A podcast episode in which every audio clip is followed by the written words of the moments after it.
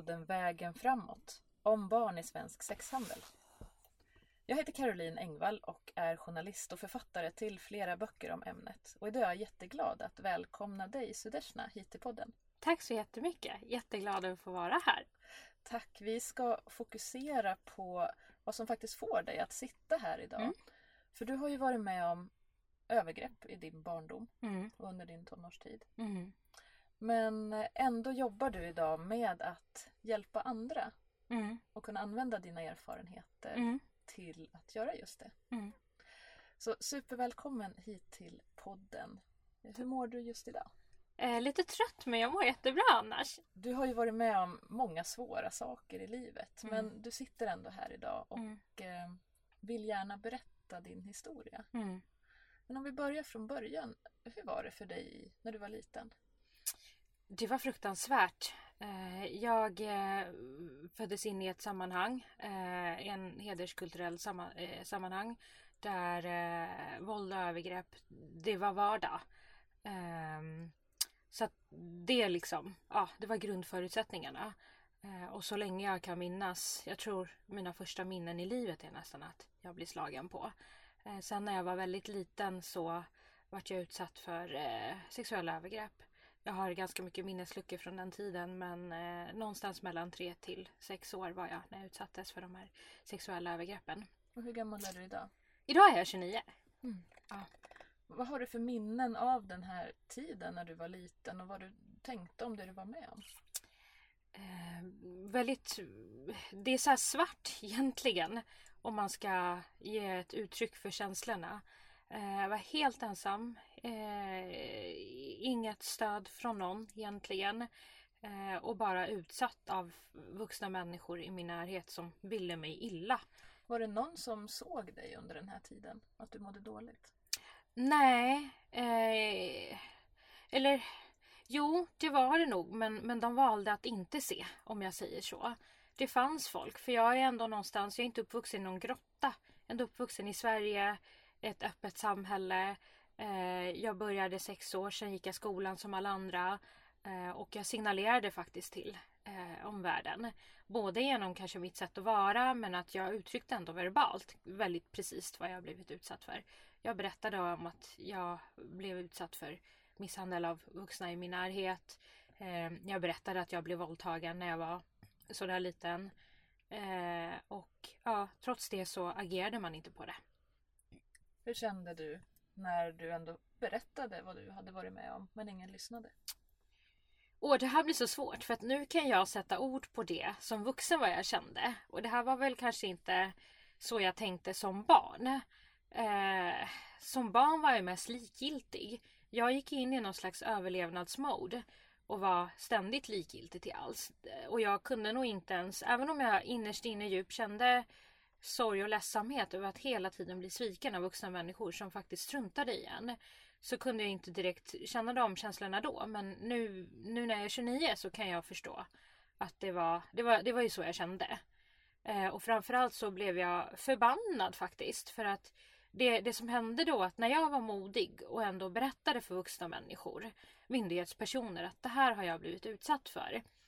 Eh, istället för att hjälpa mig och ta bort mig från den miljön så valde de att samtala med mina förövare. Och då resulterade det i att jag bara fick eh, ja, ännu mer slag. Eh, och det så här i efterhand, det jag upplevde, det, det är ett under att jag ens överlevde den sortens misshandel. Jag har fått liksom knivar kastade på mig. Jag har blivit nedkastad mot marken och man har sparkat mot min bröstkorg. Alltså det har varit, det har varit så himla grovt. Och det här förvärrades av att vuxna människor valde att göra på det här sättet. Och det kan jag bli så ja, jäkla förbannad över idag att man gjorde så. Så Deshna, för att få en bild av eh, hur din barndom var, vill du beskriva lite grann om det du var med om? Eh, min barndom var egentligen övergrepp. Eh, främst psykiskt och fysiskt då, men även sexuella övergrepp. Eh, och de skedde väl när jag var runt ja, 3 till 6. Eh, och det var ju Ja, det är också så himla sjukt nu när jag tänker efter på det. För att förutom han som våldtog mig då, så var det ju alltid andra vuxna närvarande där. Så att det är svårt att så här, jag kan inte säga med helt säkerhet att det här var sanktionerat och det var någonting mer än bara en person. Men, men det är ju, när jag tänker på det som vuxen, det är ju väldigt märkligt att man är i en hyfsat liten lägenhet och eh, man blir utsatt för våldtäkt i sovrummet eller vardagsrummet och så är det andra vuxna i köket och ingen agerar. Det var under de omständigheterna bland de människorna jag växte upp. När man är barn och är med om så här svåra saker och, och inte vet något annat. Nej. Då kan det ibland kännas så här att ja, men det är så här det ska vara. Ja. Hur var det för dig? Just misshandeln och så, den fysiska. Det förstod jag att så ska det inte vara. Och det är väl för att vi bor i Sverige och jag fick liksom tidigt veta att här får man inte slå barn. Eh, däremot en psykisk misshandel har jag inte ens förstått att det var det kanske förrän i vuxen ålder. Och våldtäkterna, det var liksom mer... Det var ju någonting på ett känslomässigt plan som inte kändes helt rätt. Lite nästan som att när man som barn äter godis fast man inte får. Fast en mycket mer ångestfylld känsla. Eh, och det här kanske också är väldigt viktigt att prata om att jag kände ju som skuld och skam över hela situationen. Eh, och det, och det förstår jag också som vuxen nu att det är så förövare jobbar. Eh, det är de som ska känna skuld och skam men de jobbar ju med att de utnyttjar att barn känner så. För man vet ju att någonting inte är riktigt rätt men man kan inte sätta fingret på det. Ändå så är man en del av någonting. Och då tänker man att bara för att man var en del av det då har jag själv en skuld i det. Fast det som är så viktigt att förstå är att jag var aldrig del av det. Jag blev ju tvingad till det här. För som barn kan man ju inte samtycka till att bli våldtagen. Eller det kan man ju aldrig men framförallt inte som barn. Vad tänker du idag om dina förövare? Jag är faktiskt neutralt inställd. Jag har hatat så mycket men det gör inte jag längre. Eh, jag önskar faktiskt att eh, de personerna eh, eller nu pratar jag om han som våldtog mig då. Att jag önskar att han kunde få hjälp så att han inte utsätter mer människor för det här. Eh, och förstör deras liv. För jag vet så mycket smärta det finns bakom. Eh, så jag tänker mer se det lite mer professionellt. Helt enkelt. Men om och om igen så, så berättade du ändå. Vad var det som gjorde att du fick kraft och orkat att göra det här ändå flera gånger? Jag vet faktiskt inte. Alltså jag tror att Ibland brukar folk lite så säga att jag är en paragrafryttare. Så jag vet inte, jag kanske har varit en sån som alltid haft en tro till rättssamhället fast jag gärna vill säga att jag inte alls har det.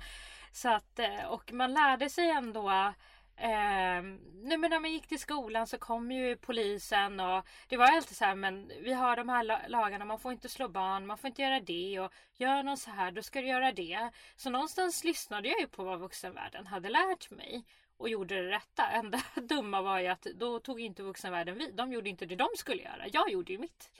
Så det var nog det. Att inte bli lyssnad på som barn. Vad gjorde det med dig? Det förstörde ju mig som människa. Eller som barn. Fast jag inte ens förstod det. Eh, jag, jag fick inte de här grund grundläggande. Ett barn som föds in i våldtäkt och misshandel, bara det skadar ett barn väldigt mycket. Men att man sen därtill inte ens får hjälp av vuxenvärlden när man ber om det. Eh, och på något sätt så måste ju alla människor känna sig värdiga och bekräftade på något vis. Eh, och eftersom jag inte blev det på ett positivt sätt av, eh, av någon människa i min närhet så fick jag själv skapa det här. Och då blev, jag, då blev prestation för mig ett sätt. Och det här är så dubbelt för att jag alltid varit väldigt smart och jag har alltid varit den här duktiga flickan. Eh, vilket jag är väldigt stolt över. Eh, men, men det här blev ju på något sätt också min last. Och det var också någonting mina förövare utnyttjade. För att de ville ju bara knäcka mig och bryta ner mig på alla sätt och vis. Eh, och så märkte de att nej men det här med att jag var smart, det kan de ändå liksom, man kan inte ta ifrån mig min hjärna, den fanns där. Eh, och då gjorde de så istället att eh, de skapade en osäkerhet kring mina prestationer. Det var liksom på det här sättet att eh, nej men jag, jag, fick bara, jag fick, jag fick liksom en liten axelryckning ifall jag kom hem och hade högsta betyg. Eh, istället för att gud vad bra, gud vad duktigt. För det, det är som man säger annars.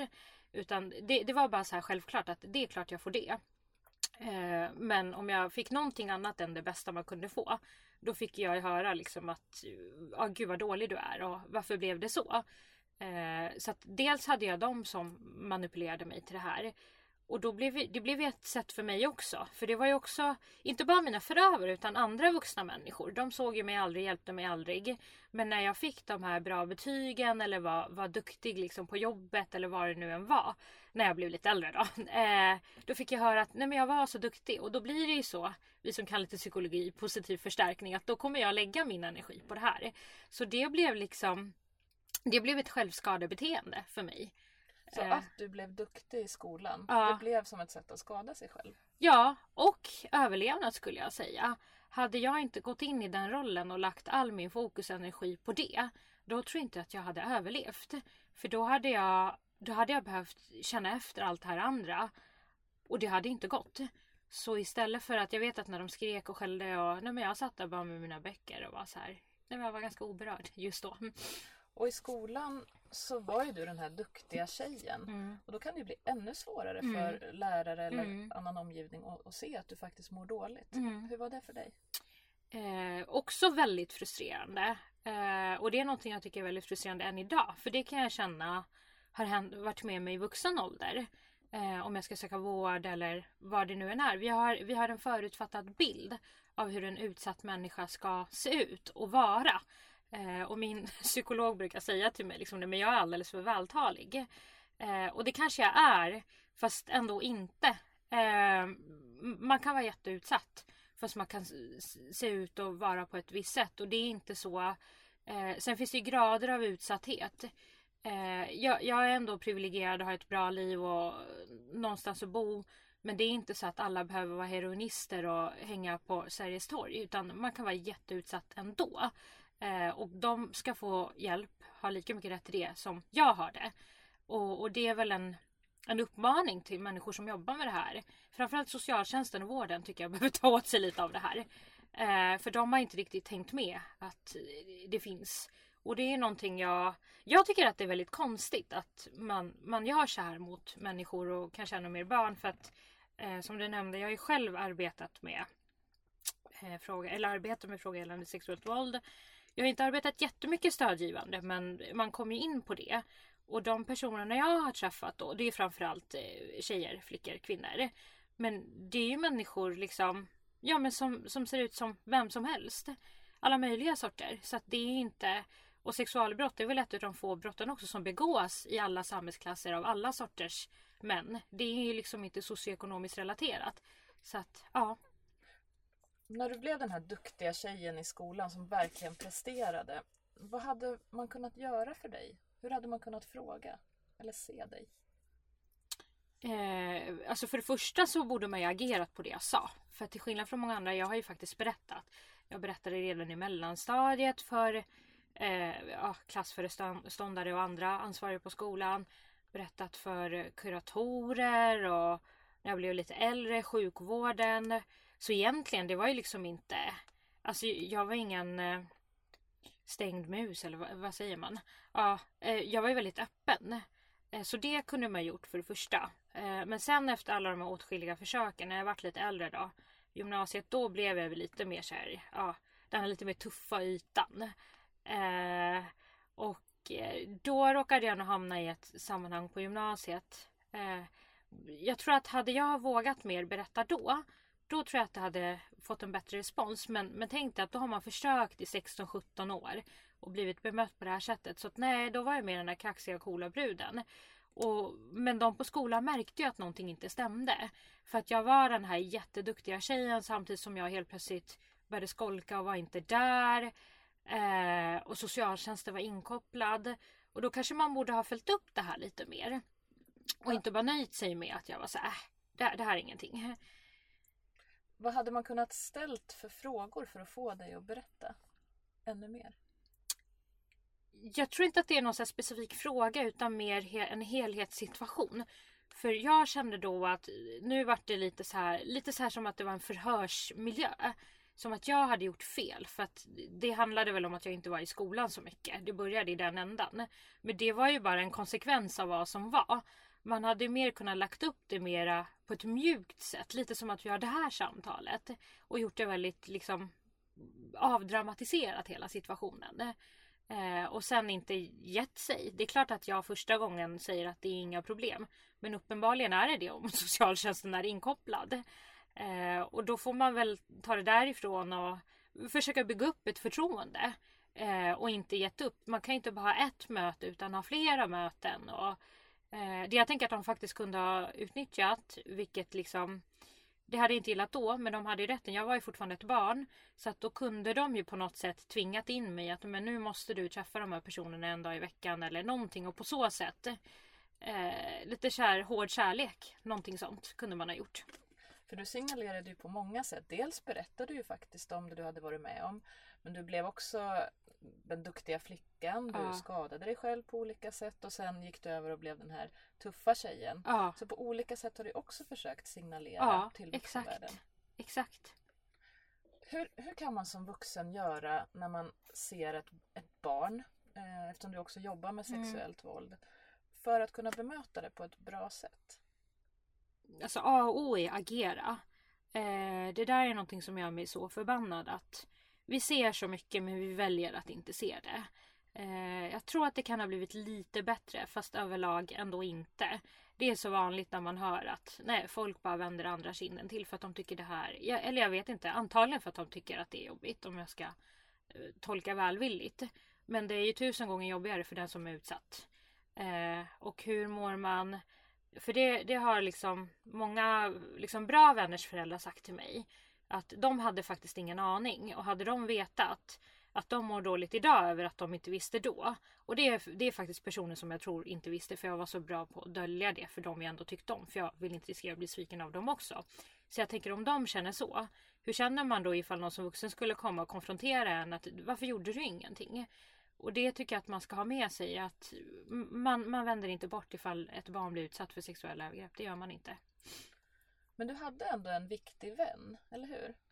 Ja, eller jag hade en hel del viktiga vänner skulle jag säga. Eh, det jag hade på min sida, eh, jag var ändå uppvuxen i ett område, eh, ett ganska socialt välbärgat område. Så att det fanns liksom, det fanns många som ändå hade det ganska eh, stabilt skulle jag väl säga mer. Eh, och de snappade väl upp på att någonting inte stämde och framförallt deras föräldrar. Så de tog mig lite grann under deras vingar och lärde mig om livet helt enkelt. Fick komma hem till dem och äta middag hos dem och diskuterade politik och de tog mig med på resor och firade eh, ja, högtider. Fick följa med ut i skärgården. Så ja. Och sen så mm, när jag då var 16 och, eh, och eh, ja, behövde komma bort från miljön jag befann mig i. Eh, då hade jag eh, en vän och hennes mamma som, ja, de tog in mig till deras hem och så bodde jag där. Så att, ja, det har absolut ändå funnits människor som har hjälpt till och gjort vissa saker. Vad gjorde det här för dig att ändå få någon som, som tog hand om dig och såg dig? Alltså jag tror att där och då så var det nog mest överlevnad. Eh, för jag hade ju så himla svårt eh, att ta emot det. det. Det känns som att jag även då bara Eh, det var nästan som att man gick på glasskärvor.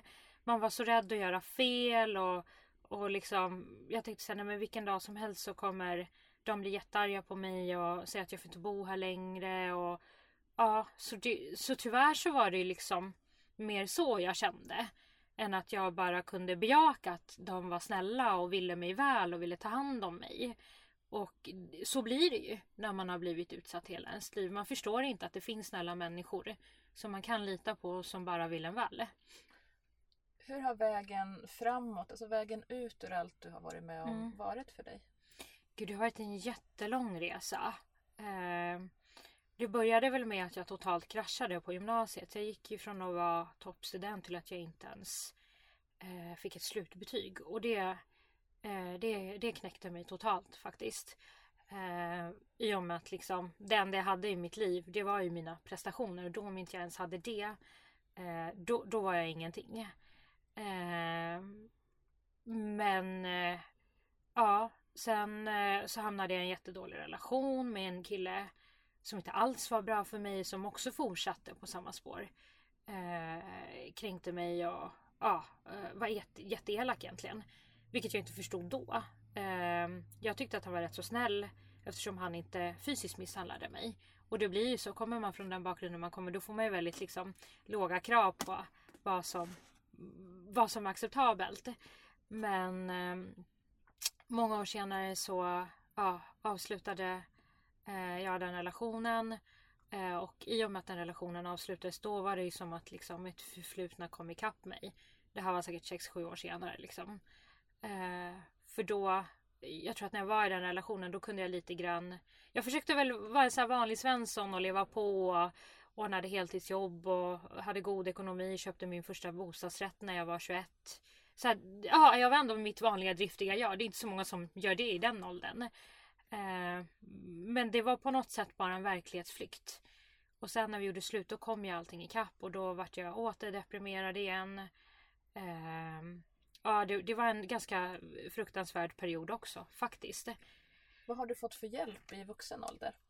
Eh, också så här halvdåligt. Eh, jag blev ju diagnostiserad med eh, väldigt grov eh, PTSD, posttraumatiskt stressyndrom. Vilket inte är konstigt med allt det här. Det vore konstigt ifall jag inte hade fått det och det var även det som hade hänt då i gymnasiet. Eh, och istället för att jag fick hjälp då eh, så ledde det till att jag kraschade. Men nu, nu när jag var äldre så fick jag åtminstone den diagnosen och jag fick ändå behandling. Eh, sen så fick jag inte alls så mycket, alltså jag, jag blev utslängd. Eh, vilket även min eh, psykolog sa att jag behöver ju mångårig behandling med tanke på de saker jag blivit utsatta för. Det är så grovt. Men att inom, eh, i Sverige så behöver man eh, spara på resurserna inom vården och det kan man inte erbjuda. Så att nu fick jag ett år, vilket ändå var mer än vad de flesta får. Eh, och sen blev jag utslängd och då bråkade jag ganska mycket om det. Men man har inte tid och energi. Det, det här med att man måste vara frisk för att vara sjuk. Eh, det stämmer verkligen. Eh, så psykiatrin i Sverige är det är ingenting att hurra för. Så du har fått kämpa väldigt hårt för att ja, få hjälp? Ja, precis. Eh, och eh, anledningen till att jag blir så förbannad över det här, det är inte främst för mig för att jag klarar mig. Och jag har ändå haft ett gott nätverk. Jag har ändå haft många vänner som har stöttat mig, funnits där. Eh, som också har ganska god kunskap om ja, den här sortens ja, PTSD och liknande saker. Men det är inte alla som har det. Och att jag har tagit mig igenom allt det här, det är helt otroligt. Och det säger ju mina vårdgivare också. Att så här bra ska det inte gå. Eh, och det är också det är så sjukt att man säger det till någon. Och jag tänker att för de flesta går det inte så här bra. Men det är inte för att det är fel på dem. Det är fel på samhället. Det ska inte behöva vara så. Det är som att man skulle... Någon får cancer. Och så får man bara en halv behandling och så säger läkaren men nu du behöver egentligen ett halvår till men det här är det vi kan ge. Så skulle man aldrig säga när det är en fysisk sjukdom. Men, eh, men det kan man göra med annat. Och det är, ja. Alltså Deshna, du har ju tyvärr mött Eh, personer som inte har bemött dig på det sätt som du hade behövt. Men jag vill också betona att det finns eh, behandling för posttraumatiskt stresssyndrom och eh, det finns ju också bra hjälp online att söka hjälp. Eh, man kan få chattstöd till exempel. Eh, olika ideella organisationer som erbjuder det här på nätet. Eh, så jag vill ändå uppmana er som lyssnar och kanske är mitt uppe i något svårt att det finns ändå bra hjälp att få. Men man måste ha ganska mycket kraft och orka att hitta den här bra mm. hjälpen. Mm. Och så Deshna, du är också en del av det här hoppet för du är engagerad i många av de här föreningarna. Mm. Mm. Framförallt varit. Nu är jag ju mest student. Det är ju lite ont i hjärtat men jag studerar för att kunna jobba med det här heltid sen. Eh, ja, många fantastiska organisationer har jag fått förmånen att vara en del utav. Eh, varit engagerad länge i Freedom som jobbar främst med människohandels prostitutionsfrågan och där eh, arbetar jag väl mest med opinionsbildning. Eh, sen har jag varit styrelseledamot i föreningen Tillsammans som är en förening som just eh, grundades av personer som själva har blivit våldtagna och vänder sig till andra som har blivit det men också jobbar opinionsbildande. Eh, sen så var jag nere i Indien, i en stad som heter Kolkata och jobbade i eh, olika Red Light Districts där i ett och ett halvt år. Eh, och det var väl både det mm, bästa och värsta jag har varit, gjort.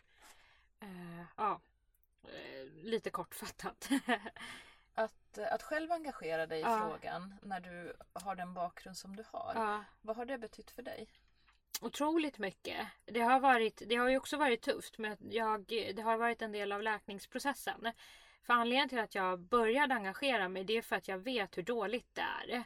Eh, och någonstans kände jag så här att eh, jag vet att rättssystemet inte fungerar. Det, det är så mycket som inte fungerar. Och jag har ganska låg tilltro till olika saker. Men jag vet ju vem jag är och vad jag kan göra och vad jag sitter på för erfarenheter. Så då, då blev det liksom att jag kan inte bara sitta här och inte göra någonting. Jag måste göra något. Sen var det lite tufft och, till en början. Och framförallt när jag kom ner till Indien då. Det blev, ja, eh, jag fick en existentiell kris helt enkelt. Att se det här. Jag var eh, jobbade i vad som sägs vara Asiens största Red Light District. Och vara där och se allt det här, det är nog jobbigt för vem som helst, även utan min bakgrund. Men, men då fick inte jag, då behövde jag både handskas med vad jag hade varit utsatt för. Men även andra, det blev ju så dubbelt upp där. Um, så att ja, det har varit tufft. Men det är absolut ingenting jag ångrar och det är ingenting. Det här är ju det jag liksom. Det är min motivation varför jag går upp varje dag. För att jag vill jobba med de här sakerna. Vad känner du är mest akut att behöva åtgärda för att andra unga som har varit ja. eller är i din situation ska få rätt stöd och hjälp? Gud. Vilken lätt fråga du ställer. eh, nej men om vi nu ska säga en sak. Det är att våga se problemet. För, vi, för nu vågar vi inte se det. Eh, våga se problemet och våga se vad det här handlar om. Att det här handlar faktiskt om en jämställdhetsproblematik, machokultur. Men idag utbildar du dig för att kunna hjälpa andra. Ja, ja eh, det är väl apropå hur man, ja det är min revansch. Att jag till slut, jag går min drömutbildning idag eh, och jag trivs jättebra med det. Och där känner jag att jag får lycka och energi och Eh, och får använda min intellektuella sida men utan det här negativa då. Jag lägger inte längre mina självvärde i mina prestationer men jag älskar att prestera bra. Eh, och det är också väldigt spännande för att jag är i, en, eh, i ett område som också varit traditionellt väldigt mansdominerat. Eh, och även om jag överlag har positiva erfarenheter så märker jag ju där att eh, det räcker med att jag är tjej och jag finns och att jag är aktiv på lektionerna eh, för att folk ska störa sig. Så att det här, det är inte så att man måste bli våldtagen som barn. Det här, det här finns ju med oss överallt och vi behöver jobba med det överallt. Eh, och jag ska säga att jag har fått jättebra, jättebra stöd från skolan. Eh, det finns en fantastisk person som har ju som arbetsuppgifter att stötta och samordna elever på olika sätt. Eh, för nu har vi talat om alla som gjort någonting dåligt. Men den här personen hon är så fantastisk. Hon ser mig, hon, hon gör det här som jag inte gjort innan. Hon frågar alltid hur är det? Hur går det? Till och med när det är bra så säger är du säker? så här, överkollar fast med en positiv anda. Eh, och det har liksom Vissa dagar har jag suttit hos den här personen och gråtit för att det inte gått bra. Och då har det också varit okej. Okay. Och när man bara får vara sig själv men ändå får höra att man är bra. För hon, hon tillåter mig inte säga någonting annat. Så fort jag börjar så glömmer jag säga nej du är bra. Så att där har vi personer som finns och gör bra. Fantastiskt också att du lyfter henne som exempel. Att vi visar att det faktiskt finns bra personer som kan stötta och hjälpa också inom skolan. Ja, och det, det behöver inte vara så svårt. Vad tänker du själv om, om det barn, den Sudersna som, som växte upp? Mm. Hur tänker du kring din barndom idag? Det, alltså, det jag har varit med om det är ganska exceptionellt. Det har jag ju förstått nu när jag jobbat med det. Det, det är sällan man träffar folk i Sverige som har varit så här utsatta. Och det tycker jag det är helt sjukt. Sen tror jag att det finns jättemånga också som är som mig. Som går igenom det men vi väljer just att inte se det. Jag tror den stora skillnaden är att många som är i de här miljöerna antingen dör de själva eller så blir de dödade eller så bara själsligt så är de levande döda. Jag tror inte att alla har möjlighet att prata om det. Men det är egentligen Ja det är helt sjukt. Det, det, är nästan så att jag inte kan identifiera mig med vad det är. Det är inte den jag är idag. Att du pratar om det, att du hjälper mm. andra. Vad betyder det för dig? Jättemycket. Eh, och framförallt blir det ju återta makten från mina förövare. För det här tycker de ju inte om. De vill inte att jag ska göra det här och inte glada över det. Eh, och just därför gör jag det. Härligt Sudersna. Tusen tack för att du har kommit hit och genom din berättelse mm. har ju du också kunnat bidra till att andra förstår att man inte är ensam. Mm. Och till att du ändå sitter här som en hel person på Mm. utsidan, kanske med ärr på insidan, Mm. men som ändå har kraft att orkat hjälpa andra. Tack så jättemycket själv.